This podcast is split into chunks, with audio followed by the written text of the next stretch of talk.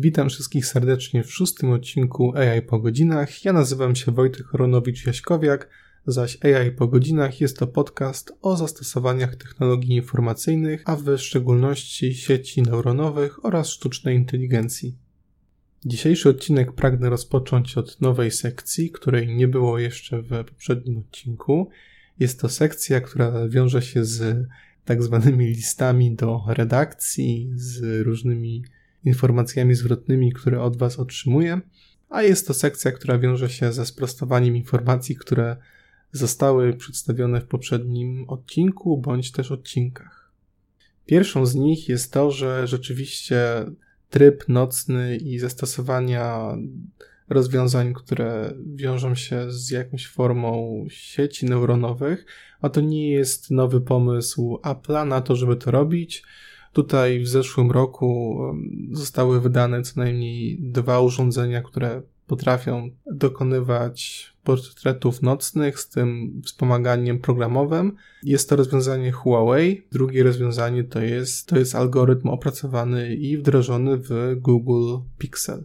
I drugą informacją, którą pragnę sprostować, jest to, że nadchodząca druga wersja Fast AI nie będzie jeszcze stworzona, ani, ani nie będzie wykorzystywała języka Swift. Są takie plany na to, żeby to zrobić w przyszłości, natomiast na chwilę obecną wszystko zostaje, można powiedzieć, po staremu, to znaczy dalej biblioteka FastAI będzie w głównej mierze wykorzystywała PyTorch. W dzisiejszym odcinku chciałbym również trochę odejść na chwilę od zastosowań technologii informacyjnych i skupić się trochę na tym, co robię na co dzień nad, nad moim projektem doktoratu. Jest to projekt naukowy, który realizuję w Instytucie Psychiatrii i Neurologii w trzeciej klinice psychiatrycznej. Sam projekt jest realizowany przeze mnie, natomiast jego opiekunem naukowym jest profesor Michał Lewsterowicz, który jest również moim promotorem pracy doktorskiej. Sam projekt nie wiąże się z zastosowaniem technologii informacyjnych do diagnozy, natomiast jego jedna z części rzeczywiście może w jakimś zakresie o to zagadnienie się ocierać, z uwagi na to, że próbuje wdrożyć do praktyki do praktyki sądowo-seksuologicznej trzy narzędzia psychologiczne, które są wykonywane na ekranie komputera. Ja też chwilę o tych zadaniach powiem, też powiem w jaki sposób e, interpretuje się uzyskane wyniki i o czym one mogą świadczyć. Jeżeli natomiast chodzi o sam mój projekt, który realizuję, on jest również częścią diamentowego grantu Ministerstwa Nauki i Szkolnictwa Wyższego. Jest to projekt, który zacząłem realizować dwa lata temu i będę go jeszcze zgodnie z harmonogramem projektu realizował przez kolejne dwa lata. Jego tytuł brzmi Wybrane charakterystyki psychologiczne, osobowościowe, psychospołeczne, które różnicują osoby wykazujące zaburzenia parafiliczne od osób z parafiliami. Podczas tego podcastu chciałbym też Wam chwilę opowiedzieć o tym, w jaki sposób w ogóle wygląda prowadzenie tego typu badań w praktyce, też o tym, w jaki sposób odbywają karę osoby, które zostały skazane za przestępstwa przeciwko wolności seksualnej i mam nadzieję, że to również będzie dla Was interesujące. Wychodząc od tych terminów, które podałem tak naprawdę już w tytule mojego projektu, tam się pojawiają dwa terminy: parafilie i zaburzenia parafiliczne. Same parafilie definiuje się jako te preferencje seksualne, które są wykazywane w stosunku do określonych przedmiotów lub sytuacji, które nie są przedmiotem normatywnej stymulacji seksualnej.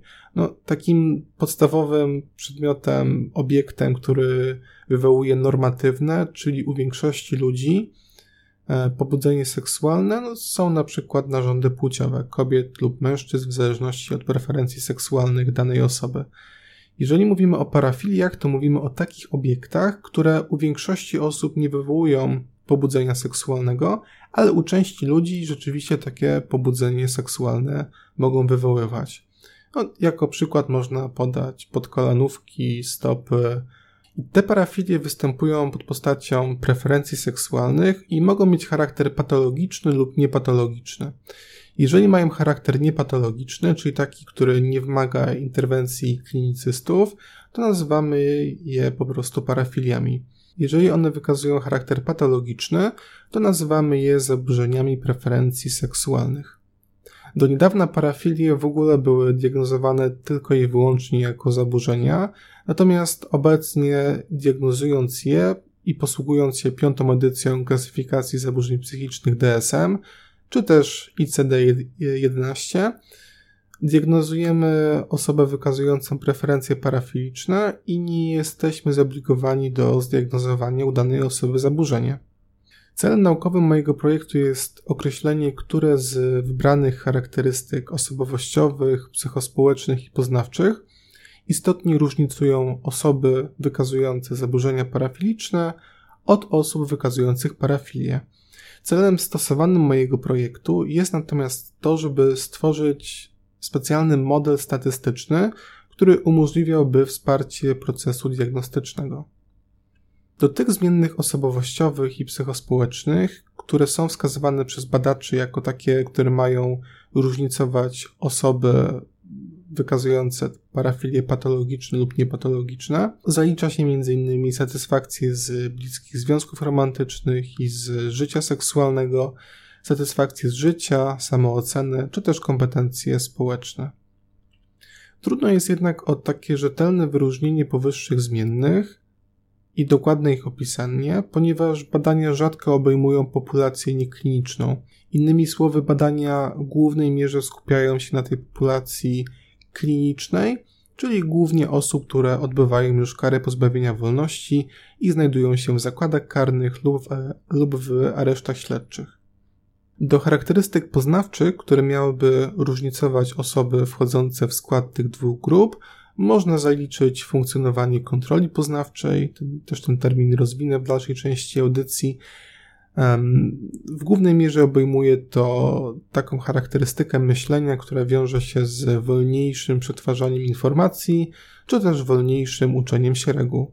Samo badanie będzie obejmowało pięć grup badawczych i to poszczególne grupy różnią się od siebie tym miejscem, w którym przeprowadzę samo badanie, faktem dopuszczenia się wykorzystania seksualnego przy występowaniu preferencji parafilicznych i tym, jakiego czynu dopuściła się konkretnie już dana osoba.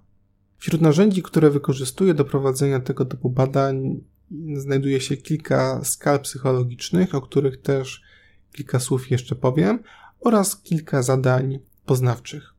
I te zadania poznawcze są wyświetlane uczestnikowi badania na ekranie komputera. Tam również poprzez specjalne oprogramowanie do prowadzenia i tworzenia w ogóle testów psychologicznych Inquisit są automatycznie liczone, a wyniki są eksportowane do arkusza kalkulacyjnego.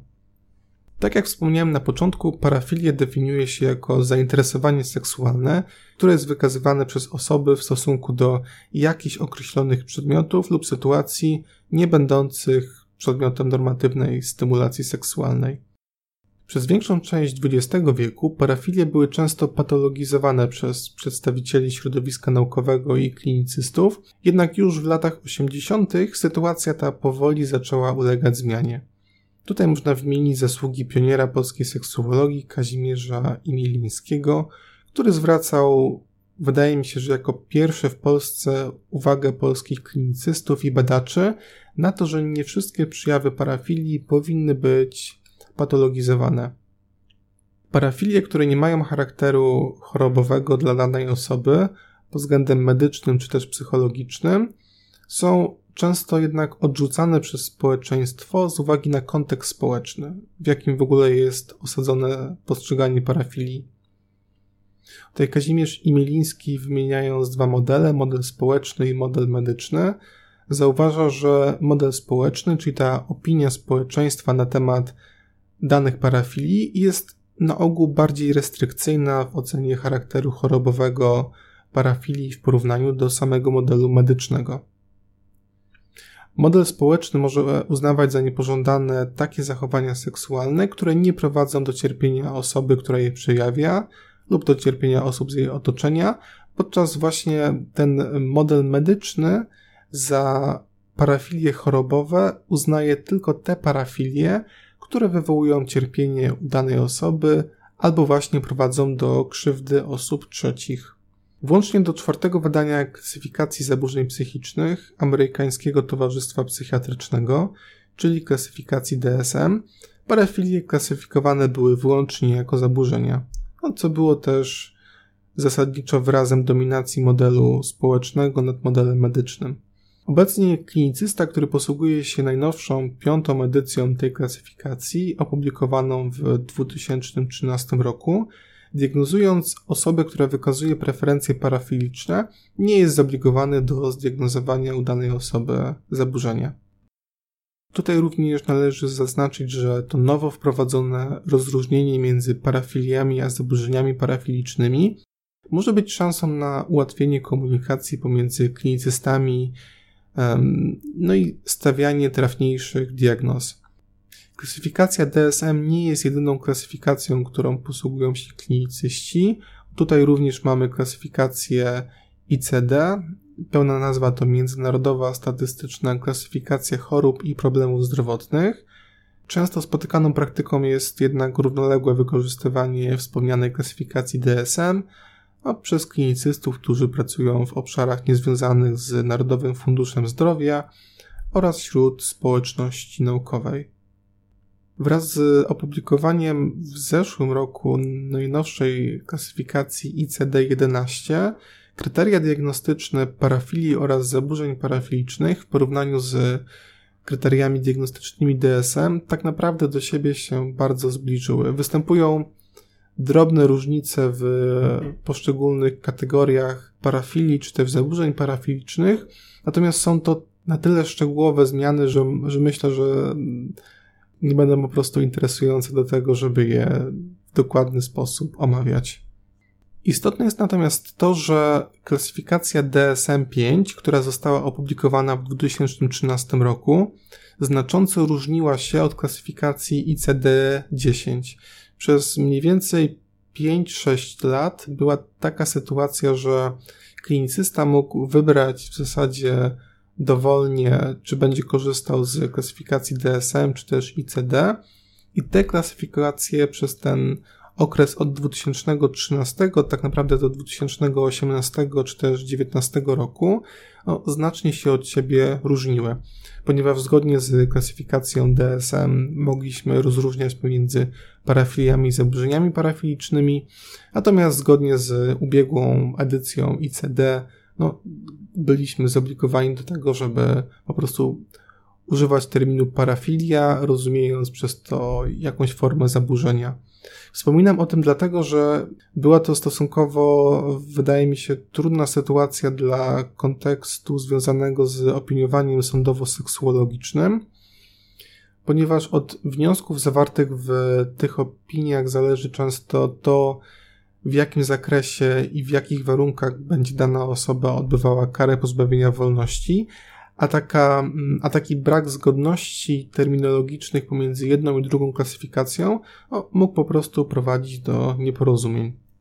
To odejście od nazywania wszystkich parafilii chorobowymi wiąże się tak naprawdę z kilkoma odkryciami naukowymi. Pierwsze z nich wiązało się z tym, że przynajmniej wybrane parafilie występują powszechnie wśród społeczeństwa i to niezależnie tak naprawdę od kultury danego społeczeństwa. O tutaj wskazuje się na bardzo znaczne rozpowszechnienie preferencji fetyszystycznych na przykład. Wśród badań prowadzonych na znaczną skalę wśród populacji nieklinicznych stwierdza się na ogół wysoki odsetek osób, które deklarują, że miewają niekiedy pragnienia o charakterze parafilicznym. Trudno jest o precyzyjne wskazanie odsetka osób, które mogą wykazywać co najmniej jedną parafilię, co wynika z trudności metodologicznych, które towarzyszą na ogół taki, e, które towarzyszą na ogół badaniom tego typu. Natomiast no, można przyjąć, że znacznie częściej występują parafilie o charakterze niepatologicznym niż właśnie patologicznym pod tym względem medycznym.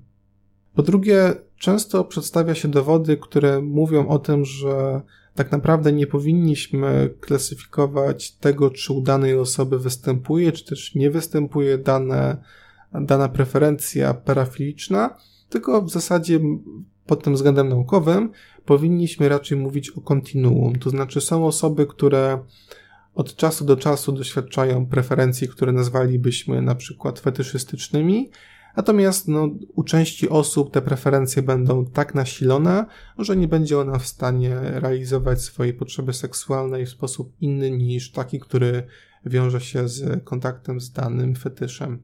Po trzecie z kolei zostały opublikowane badania naukowe, w których wskazuje się, że czasami brak jest dowodów na to, że wśród osób, które wykazują preferencje parafiliczne, występują takie trudności, które wiążą się z odczuwaniem cierpienia z powodu posiadania danych preferencji, czy też z cierpienia osób trzecich, które, z którymi kontakt ma osoba, która wykazuje dane preferencje parafiliczne.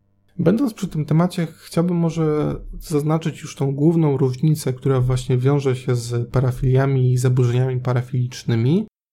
Y, jest to obecnie kryterium, które wiąże się z odczuwaniem cierpienia. Chodzi o taką sytuację, w której dana osoba, wiedząc o tym, że jest na przykład fetyszystą stóp, nie jest w stanie uzyskiwać pobudzenia seksualnego w sposób inny niż na przykład przeglądanie w internecie zdjęć, które pokazują wyłącznie stopy lub kontakt wyłącznie ze stopami partnerki. Jeżeli takie sytuacje prowadzą w późniejszym czasie do trudności, które wiążą się z podejmowaniem na przykład aktywności seksualnej, która byłaby satysfakcjonująca dla dwóch stron, to najczęściej prowadzi to do cierpienia danej osoby. To cierpienie rozpatruje się również w tej kategorii szkody osób trzecich. No i tutaj wydaje mi się, że takim sztandarowym przykładem jest zaburzenie pedofilne, ponieważ w ciężko jest określić w jak dużym zakresie, natomiast realizacja preferencji pedofilnych na pewno dużo częściej niż nieposiadanie preferencji tego typu prowadzi do podejmowania kontaktów seksualnych z małoletnimi, i oczywiście uznajemy, że kontakt tego typu jest działaniem na szkodę osób trzecich.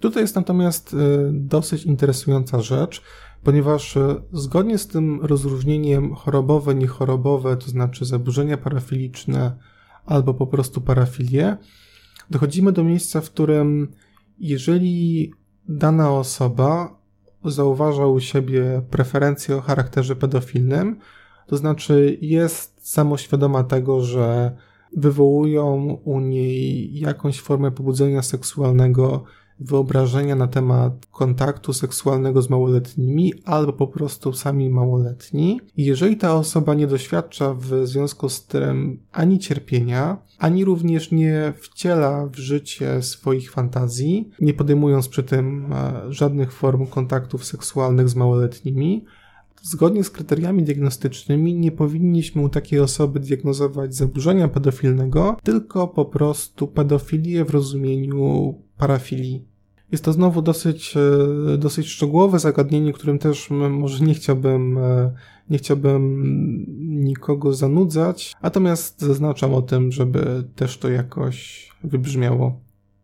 Ostatnim kryterium różnicującym pomiędzy parafiliami i zaburzeniami parafilicznymi jest utrudnienie w funkcjonowaniu psychospołecznym. To jest związane z tym, że jeżeli u danej osoby występują preferencje parafiliczne o dużym nasileniu, na przykład weźmy fetyszyzm, który wiąże się z uzyskiwaniem pobudzenia w wyniku oglądania lub kontaktu ze skórą, to, jeżeli to nasilenie tych preferencji parafilicznych jest znaczne, to taka osoba może poświęcać znaczną ilość swojego czasu i znaczną ilość na przykład środków finansowych do tego, żeby na przykład gromadzić w swoim domu duże, duże zbiory skóry. Można to poświęcać dużą ilość czasu i cierpi na tym zarówno jej budżet, jej czas i uważamy to za ograniczenie w funkcjonowaniu psychospołecznym. O charakterystyce osób, u których diagnozuje się parafilię czy też zaburzenia parafiliczne, albo u osób, które podejmują się jakiejś formy wykorzystania seksualnego osób pełnoletnich lub małoletnich, powstało stosunkowo dużo prac naukowych. Należy również dodać, że również na, tutaj na gruncie naszym polskim były prowadzone bardzo wartościowe badania z zakresu ogólnie tej tematyki. A tutaj jako przykład publikacji, w zasadzie monografii można, można, można podać książkę Pedofilia, geneza i mechanizm zaburzenia Marii Bajsert.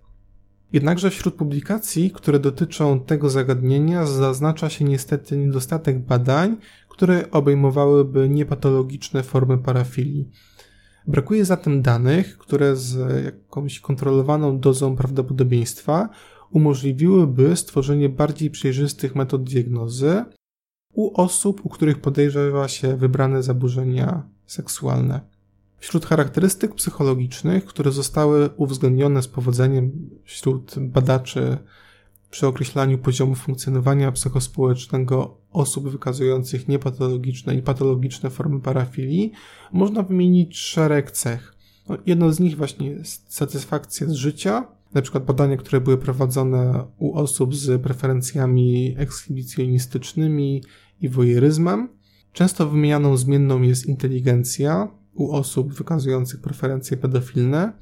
Tych badań jest oczywiście dużo więcej. Tutaj podałem tylko jedne z przykładów, które wykorzystałem jako punkt wyjścia do stworzenia mojej metodologii badań własnych.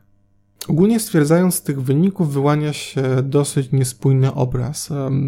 Te powyższe zmienne są często mierzone różnymi narzędziami psychologicznymi, nierzadko takimi, które nie mają właściwej standaryzacji. Nie jest również jasne, jakie nasilenie tych cech jest charakterystyczne dla parafilii chorobowych czy też niechorobowych. Ponadto badacze często przy interpretacji wyników pomijają fakt, że różne rodzaje parafilii wiążą się tak naprawdę z odrębnymi charakterystykami psychologicznymi, zatem nieuprawnione często jest generalizowanie wyników uzyskiwanych na populacji wykazujących jeden typ parafilii na populację, która przejawia drugi typ parafilii. Inny jest na przykład charakter funkcjonowania psychologicznego osoby, która wykazuje preferencje pedofilne i ponadto dopuściła się wykorzystywania seksualnego małoletniego, a, a w inny sposób będzie funkcjonować osoba, która czerpie satysfakcję seksualną z przebierania się w, w ubrania płci odmiennej. Stosując takie same kryteria i schematy w przypadku rozróżniania diagnostycznego zaburzeń parafilicznych od różnych typów para parafilii, w tym na przykładzie poruszonym wcześniej, klinicysta naraża się na popełnienie błędów diagnostycznych i błędnej klasyfikacji pacjenta do grupy osób um, wykazujących parafilie patologiczne czy też niepatologiczne, a naukowiec naraża się na otrzymanie jakiegoś ogólnego, zafałszowanego obrazu parafilii i zaburzeń parafilicznych jako zjawisk takich homogenicznych. Prowadzone również są często badania, które są, w których uczestnikami badania są osoby, u których nie zdiagnozowano co prawda ani parafilii, ani zaburzenia parafilicznego, ale są to osoby, które dopuściły się wykorzystywania seksualnego osób postronnych.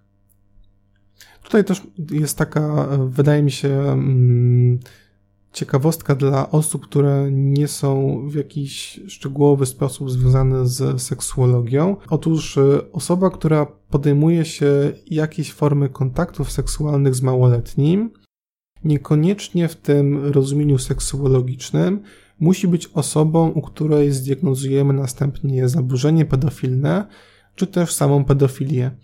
To są tak naprawdę trzy odrębne pojęcia.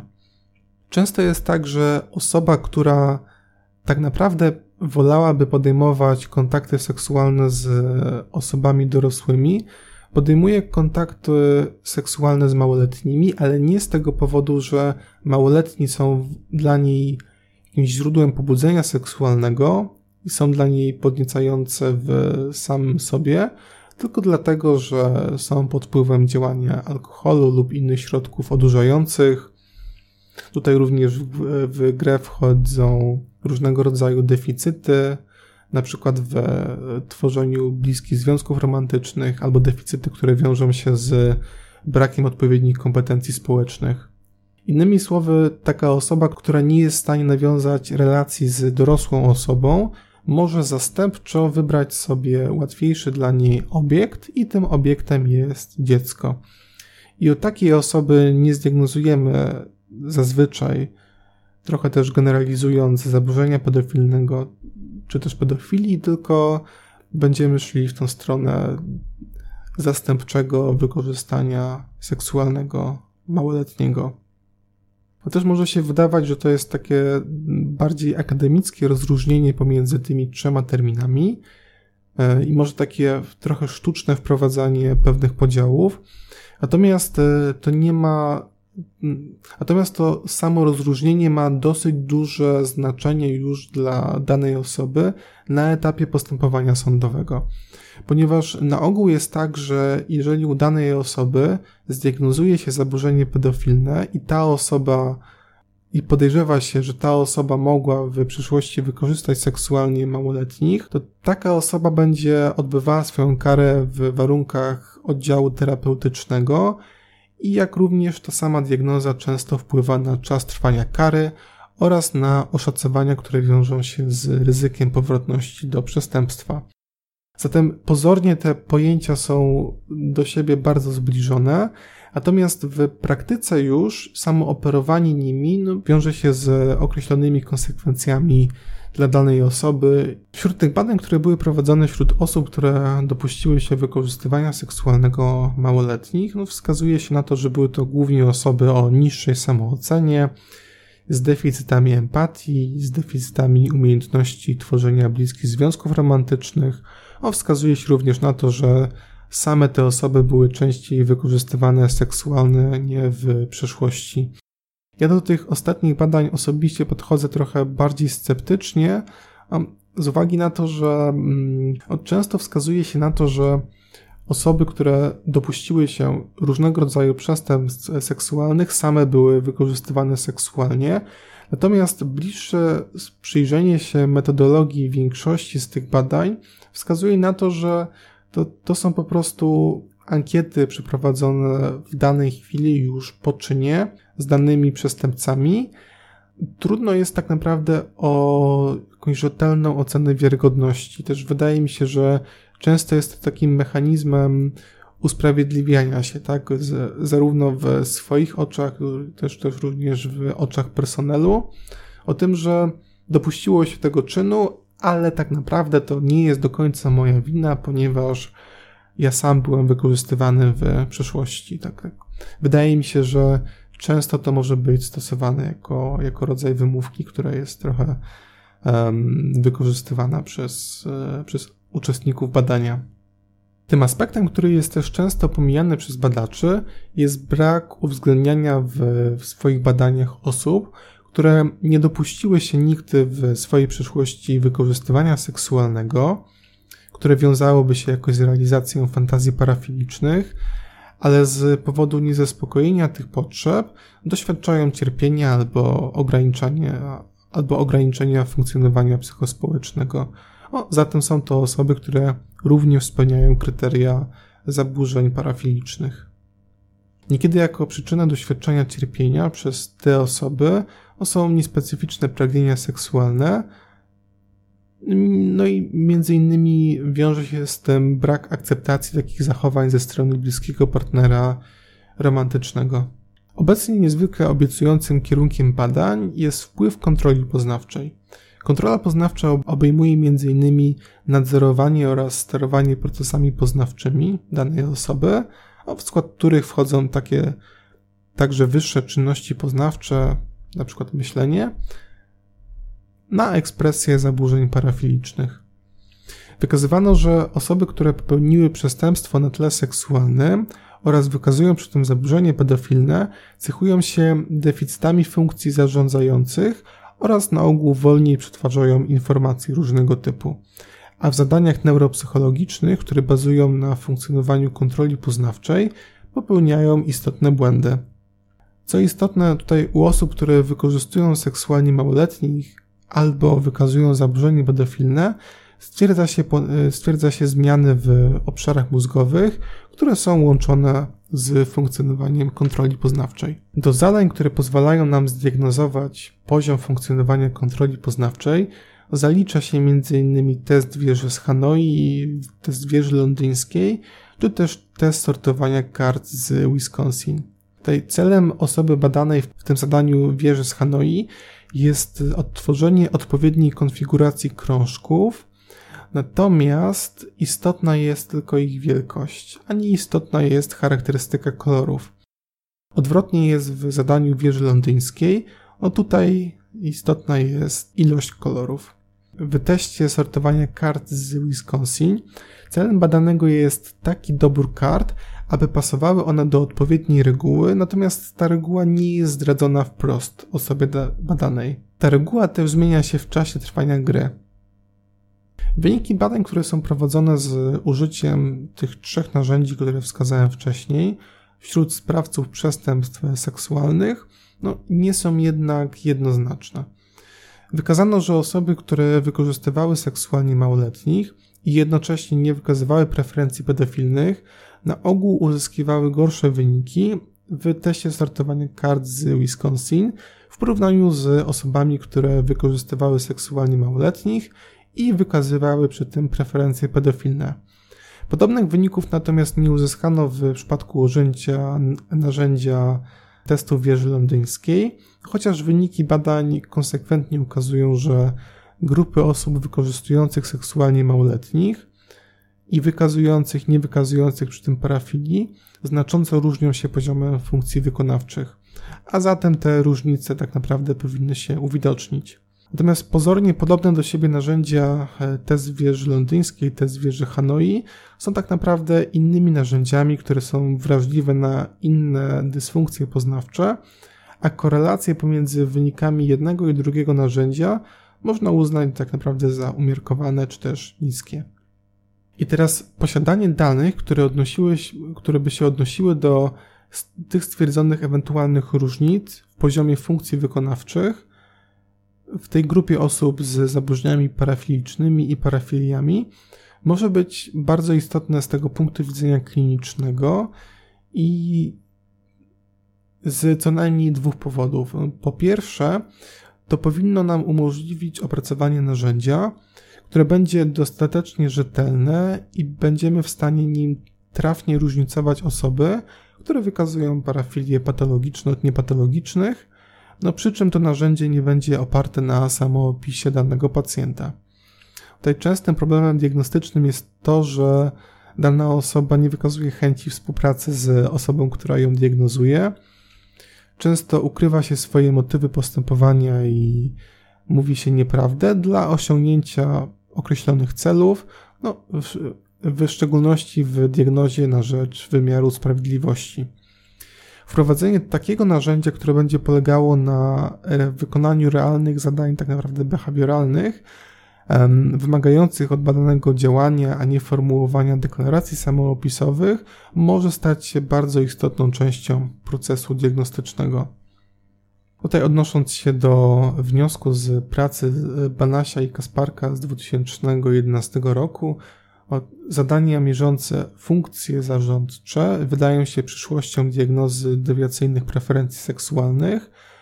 Autorzy zaznaczają, że o ile poleganie na pojedynczych pomiarach obciążone jest dużym ryzykiem, o tyle rozwój modeli wykorzystujących kilka rodzajów zadań w połączeniu z innymi sprawdzonymi metodami, np. kwestionariuszami, pozwala na postawienie trafnej diagnozy w stosunkowo krótkim czasie. Wskazuje się również na znaczenie zadań poznawczych skupionych na pomiarze czasu odpowiedzi uczestnika badania.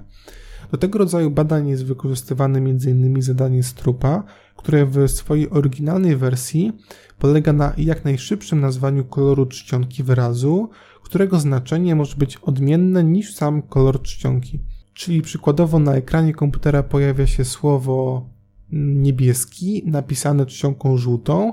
Zadaniem badanego jest naciśnięcie klawisza załóżmy K, który odpowiada kolorowi żółtemu i oczywiste jest, że jeżeli wyświetlimy badanemu taki warunek niezgodny, czyli co innego jest napisane, a inny jest kolor czcionki, to czas udzielania odpowiedzi jest dłuższy. Oryginalne zadanie Strupa ukazuje wpływ interferencji procesów poznawczych, które wiążą się z czytaniem wyrazów, a nazywaniem kolorów. Natomiast w zmodyfikowanej wersji tego zadania, czyli w zadaniu Strupa w warunku emocjonalnym, uczestnikowi badania wyświetlane są słowa, które mogą być przez niego postrzegane jako znaczące emocjonalnie, przez co w konsekwencji ten czas reakcji czyli czas udzielania odpowiedzi związanej z kolorem czcionki, jak on został napisany, jest dłuższy. I tak na przykład wskazuje się, że osoby o preferencjach pedofilnych dłużej podejmują decyzję, która wiąże się z nazwaniem koloru czcionki słowa, który jest powiązany z dziećmi. Prezentowane są dane empiryczne, które sugerują, że włączenie zmodyfikowanego zadania strupa pozwala w lepszym stopniu określić preferencje seksualne i są mniej podatne na symulację osoby badanej, natomiast wymagane są dalsze prace walidacyjne. Innymi słowy, jeżeli badanemu, który wykazuje preferencje pedofilne, wyświetlimy zadanie strupa i wyświetlimy mu szereg słów, jak na przykład stół, krzesło, komputer, obraz, ściana, i w tych słowach zawrzemy również słowa, które odnoszą się do, do dzieci, na przykład chłopczyk, dziewczynka. To czas udzielania odpowiedzi na słowa, które wiążą się z małoletnimi, będzie dłuższy. Gdyby te wcześniej wymienione narzędzia, jak test wieży z Hanoi, test sortowania kart z Wisconsin, test wieży londyńskiej, zmodyfikowana wersja zadaniu strupa w warunku emocjonalnym, mogłyby razem z innymi narzędziami psychologicznymi pozwolić na trafniejszą i rzetelniejszą metodę badawczą, no to istotne jest prowadzenie badań w tym kierunku. Powstanie odpowiednio skonstruowanej baterii narzędzi psychologicznych i neuropsychologicznych no nie tylko umożliwiłoby to bardziej precyzyjne orzecznictwo sądowe, no na przykład w przypadku osób oskarżonych o wykorzystywanie seksualne małoletnich, ale także umożliwiłoby pomoc i poradę psychologiczną osobom, które są przykładowo zaniepokojone swoimi preferencjami seksualnymi, ale nie są pewne, czy ich zachowania mogą być już patologiczne, czy też stanowią jakiś wymiar, normę, która nie wymaga leczenia. Przechodząc już do tego, w jaki sposób ja prowadzę te badania. No te badania są, e, one w ogóle uwzględniają pięć grup badawczych. Rekrutacja obejmuje te osoby, które zgłaszają się dobrowolnie na te badania i każda z tych grup obejmuje po 75 osób. Moje grupy badawcze składają się wyłącznie z mężczyzn, ponieważ prawie wszystkie przypadki wykorzystywania seksualnego na tle parafilicznym są popełniane przez mężczyzn. Natomiast nie należy przez to rozumieć, że przestępstwa takie są popełniane jedynie przez mężczyzn, jednak z uwagi na kwestie metodologiczne Nietrafne byłoby konstruowanie mieszanej grupy badawczej, która zawierałaby kilkaset mężczyzn i załóżmy kilka kobiet, które udałoby mi się zrekrutować do udziału w badaniach tego typu. Tak jak wspomniałem, cały mój projekt składa się z pięciu grup. W każdej grupie znajduje się 75 osób. Pierwsze trzy grupy to są, to są osoby, które rekrutuję w wybranych zakładach karnych osoby, które, można powiedzieć, pochodzą z populacji więziennej. I te grupy różnią się faktem wykorzystania seksualnego osób postronnych, występowaniem parafilii czy też zaburzeń parafilicznych. Mam jedną grupę kontrolną, to znaczy osób, które odbywają karę za dowolny czyn przeciwko kodeksowi karnemu, natomiast nie są to przestępstwa seksualne. To jest taka grupa kontrolna, która posłuży mi do tego, żeby późniejszym czasie sprawdzić, czy na przykład osoby z populacji więziennej na przykład ogólnie cechują się niższą samooceną i nie jest to tylko cecha, która jest przypisywana wyłącznie osobom skazanym za jakieś przestępstwo przeciwko wolności seksualnej. Mam również dwie grupy, które, które będę badać w przyszłym roku i są to grupy, które będą, które będą obejmowały osoby już spoza populacji więziennej, czyli po prostu z populacji nieklinicznej. Jedna z nich to będzie grupa kontrolna, czyli osoby, które nie wykazują preferencji parafilicznych i osoby, które takie preferencje wykazują, natomiast nie są to preferencje chorobowe parafiliczne. Kilka słów jeszcze na temat tego, w jaki sposób ja prowadzę te badania już w praktyce. Na prowadzenie badań mam zgodę dyrektora generalnego służby więziennej, i wybieram z listy kilka ośrodków, w których przebywają osoby skazane, po czym kontaktuję się z daną jednostką, wybieram terminy, w których chcę prowadzić badania, no i następnie już w omówionym terminie pojawiam się w danym miejscu. Jeżeli chodzi o miejsca, w których e, w przyszłości prowadziłem badania, był to zakład karny w Sztumie, zakład karny w Oleśnicy, w Łodzi, w Rawiczu. Są to takie jednostki, w których przebywają często osoby, które e, są skazane za przestępstwa przeciwko wolności seksualnej, ponieważ w ramach tych jednostek funkcjonują oddziały terapeutyczne. Bardzo często jest tak, że osoba, której diagnozuje się dane zaburzenie parafiliczne, przykład zaburzenie pedofilne, często odbywa karę w systemie terapeutycznym, to znaczy przebywa normalnie w zakładzie karnym. Wydaje mi się, że warunki takiego oddziału są bardzo podobne do zwykłego oddziału E, oddziału penitencjarnego, w którym przebywają również osoby skazane za inne przestępstwa. Natomiast taka osoba uczestniczy w psychoterapii i ta psychoterapia jest realizowana na kilka różnych sposobów. Oto jest albo terapia grupowa, albo taka terapia, która wiąże się z taką psychoterapią, indy, e, psychoterapią indywidualną, która jest świadczona przez, przez pracowników danego oddziału terapeutycznego. I to jest tak naprawdę główna różnica, która różnicuje ten oddział terapeutyczny od oddziału penitencjarnego.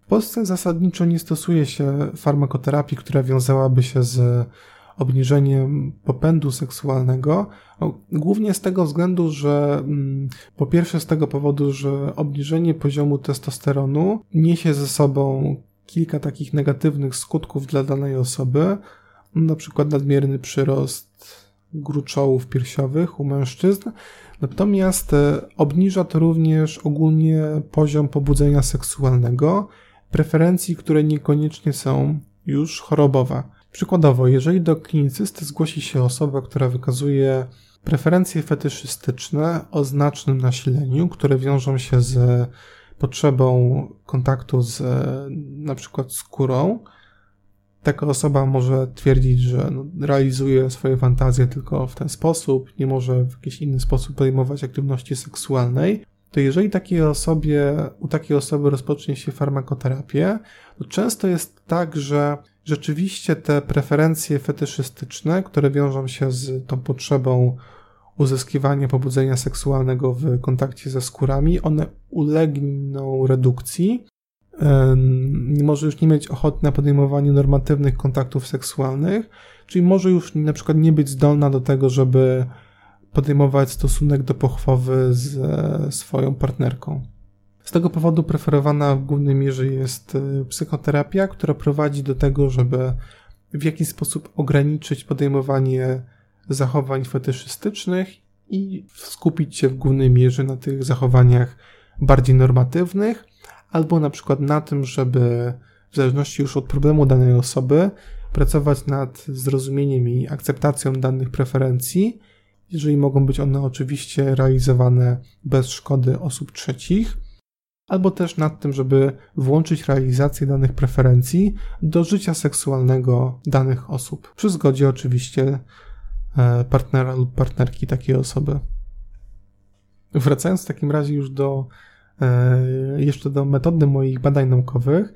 E, ja prowadząc te badania mm, wykorzystuję kilka takich narzędzi psychologicznych, skalę samooceny, skalę satysfakcji z życia, kwestionariusz stylu przywiązaniowych jak również kwestionariusz osobowości, NeoPR oraz test rozumienia emocji. Przeprowadzam również taki wstępny wywiad, w którym określam, czy dana osoba może być zaklasyfikowana do, e, do moich badań i jeżeli może być, no to właśnie zaczynam od tych testów samoopisowych. W dalszej części przeprowadzam badania już na ekranie komputera i to są te narzędzia poznawcze, o których mówiłem w poprzedniej części tej audycji. Może jeszcze kilka słów na temat tego, dlaczego wybrałem takie czy nie inne testy, ponieważ tych testów jest stosunkowo dużo do wyboru. Tych testów standaryzowanych w pracowni testów psychologicznych Polskiego Towarzystwa Psychologicznego. Ja kierowałem się tym na przykład, jeżeli chodzi o pierwsze narzędzie, o ten kwestionariusz samooceny, to to jest taka powtarzająca się zmienna, która jest związana z wykorzystywaniem seksualnych małoletnich. Tą zmienną jest samoocena, dlatego właśnie wybrałem skalę samooceny Rosenberga. Wskazuje się również na to, że osoby z preferencjami pedofilnymi często wykazują obniżoną inteligencję, a osoby wykorzystujące seksualnie małoletnich prezentują często do deficyty empatii. Zatem interesujące byłoby zbadanie zdolności do rozumienia emocji i to była jedna z przesłanek do tego, żeby wybrać narzędzie test rozumienia emocji.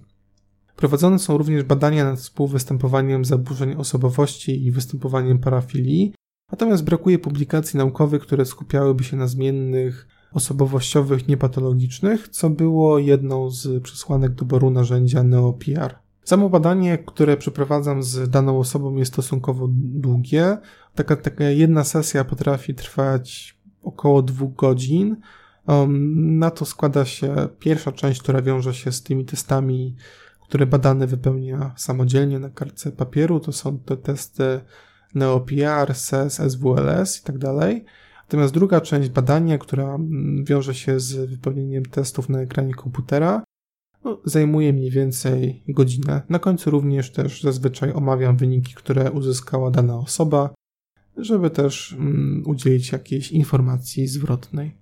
Zbliżając się już powoli do końca tego odcinka, chciałbym podkreślić to, że zakładam, że mój projekt dostarczy takich wskaźników statystycznych, które umożliwią nam przewidzenie, które z tych czynników osobowościowych, psychospołecznych, poznawczych będą wiązały się z częstym występowaniem zaburzeń parafilicznych w populacji osób, które wykazują parafilię. Oczekuje się, że osoby, które wykazują zaburzenia parafiliczne w porównaniu z osobami posiadającymi tylko pragnienia o charakterze parafilicznym i niedoświadczającymi cierpienia albo ograniczenia funkcjonowania psychospołecznego, będą prezentowały niższy poziom wykonawczy kontroli poznawczej, co się będzie objawiało no, istotnie niższymi wynikami w teście wieży z Hanoi czy w teście startowania kart z Wisconsin. Ponadto można też oczekiwać, że będą one wykazywały niższą samoocenę, niższą satysfakcję z życia oraz niższe zdolności rozumienia emocji. Profil osobowości osób, które wykazują parafilie patologiczne, będzie się również istotnie różnił wyższą neurotycznością, niższą ugodowością, natomiast są to na ten moment tak naprawdę tylko predykcje, które które gdzieś e, dokonuje na podstawie wcześniejszego przyglądu literatury. Można również przypuszczać, że ten profil stylów przywiązaniowych w grupie osób wykazujących parafilie patologiczne będzie zawierać w większym stopniu te mniej adaptacyjne style przywiązaniowe. W wyniku badań będzie możliwe stworzenie modelu analizy czynnikowej, który ze względu na charakter projektu będzie użyteczny w co najmniej dwóch przypadkach. Po pierwsze, ułatwiony zostanie proces diagnozy seksuologicznej na potrzeby określania charakteru danej parafilii poprzez dostarczenie dowodów świadczących na rzecz występowania parafilii w postaci patologicznej czy też niepatologicznej. Szczególne nadzieje wiąże się pod tym względem z tymi testami neuropsychologicznymi, o które mogą znaleźć swoje zastosowanie w seksuologii sądowej. W tym wypadku wyniki mogą dostarczyć polskim biegłym sądowym z zakresu seksuologii skutecznych narzędzi, które będą wspierały proces diagnostyczny w oparciu o diagnozę opartą nie na samoopisie badanego, ale na charakterze wykonywanym przez niego zdolności. Po drugie, jest również możliwe, że ten model, nad którym w tej chwili pracuję, stanie się korzystny dla pracy klinicznej, również dla psychoterapeutów. Wskazanie wybranych zmiennych istotnych dla poziomu funkcjonowania osób wykazujących parafilię no, może w tym początkowym etapie psychoterapii ukierunkować terapeutę na określone problemy oraz cele. Wyniki mogą znaleźć zastosowanie również w przypadku pacjentów, którzy zgłaszają swoje problemy w zakresie preferencji seksualnych. Takie osoby mogą odczuwać cierpienie z powodu braku akceptacji pragnień parafilicznych, wymagając przy tym oceny pod kątem ewentualnych zaburzeń parafilicznych. Na etapie konstruowania tego projektu nie myślałem jeszcze o zastosowaniu naukowym sieci neuronowych, natomiast teraz już od czasu, kiedy interesuję się tym zagadnieniem, wydaje mi się, że włączę je do, moj, do analizy moich wyników. O tutaj tą analizą wyników wstępnych będę się zajmować już w niedługim czasie, ponieważ udało mi się uzbierać grupę ponad 120 osób wykazujących zaburzenia parafiliczne oraz niewykazujących zaburzeń parafilicznych. I będę chciał również sprawdzić, jak tutaj zależności pomiędzy poszczególnymi zmiennymi są analizowane za pomocą już sieci neuronowych. Istotne jest dla mnie również to, że e, za pomocą tego modelu pilotażowego, który omawiałem w jednym z poprzednich odcinków, możliwe jest stworzenie dodatkowych warunków eksperymentalnych do zadania strupa w warunku emocjonalnym. Jest to zadanie, które również wykorzystuję w tym moim projekcie, natomiast w moim projekcie nie, mm, nie korzystam z wersji zadania strupa, które obejmuje obrazy, są to wyłącznie słowa. Natomiast nie jest wykluczone, że w przyszłości również będę pracował nad tego typu narzędziem, które będzie obejmowało obrazy i które będzie przeprowadzone na populacji więziennej. I tym samym doszliśmy już do końca audycji. Myślę, że kolejną audycję poprowadzę samodzielnie. Może opowiem trochę więcej o tym, w jaki sposób odbywają karę osoby, które popełniły dane przestępstwo seksualne, lub opowiem może trochę więcej o samym procesie diagnozy. Natomiast myślę już o kolejnych odcinkach, których, do których zaproszę moich gości. Co najmniej kilka osób wyraziło wstępną, e, wstępną gotowość do tego, żeby razem ze mną taki odcinek nagrać. A no, wśród nich są osoby, które na co dzień zajmują się wykorzystywaniem sieci neuronowych w różnych dziedzinach oraz inne osoby, które zajmują się ciekawymi rzeczami, które również wiążą się z wykorzystaniem technologii informacyjnych. Ja tymczasem się żegnam. Dziękuję Wam za wysłuchanie tego odcinka i zapraszam do wysłuchania kolejnego, kolejnej audycji AI po godzinach. Do zobaczenia.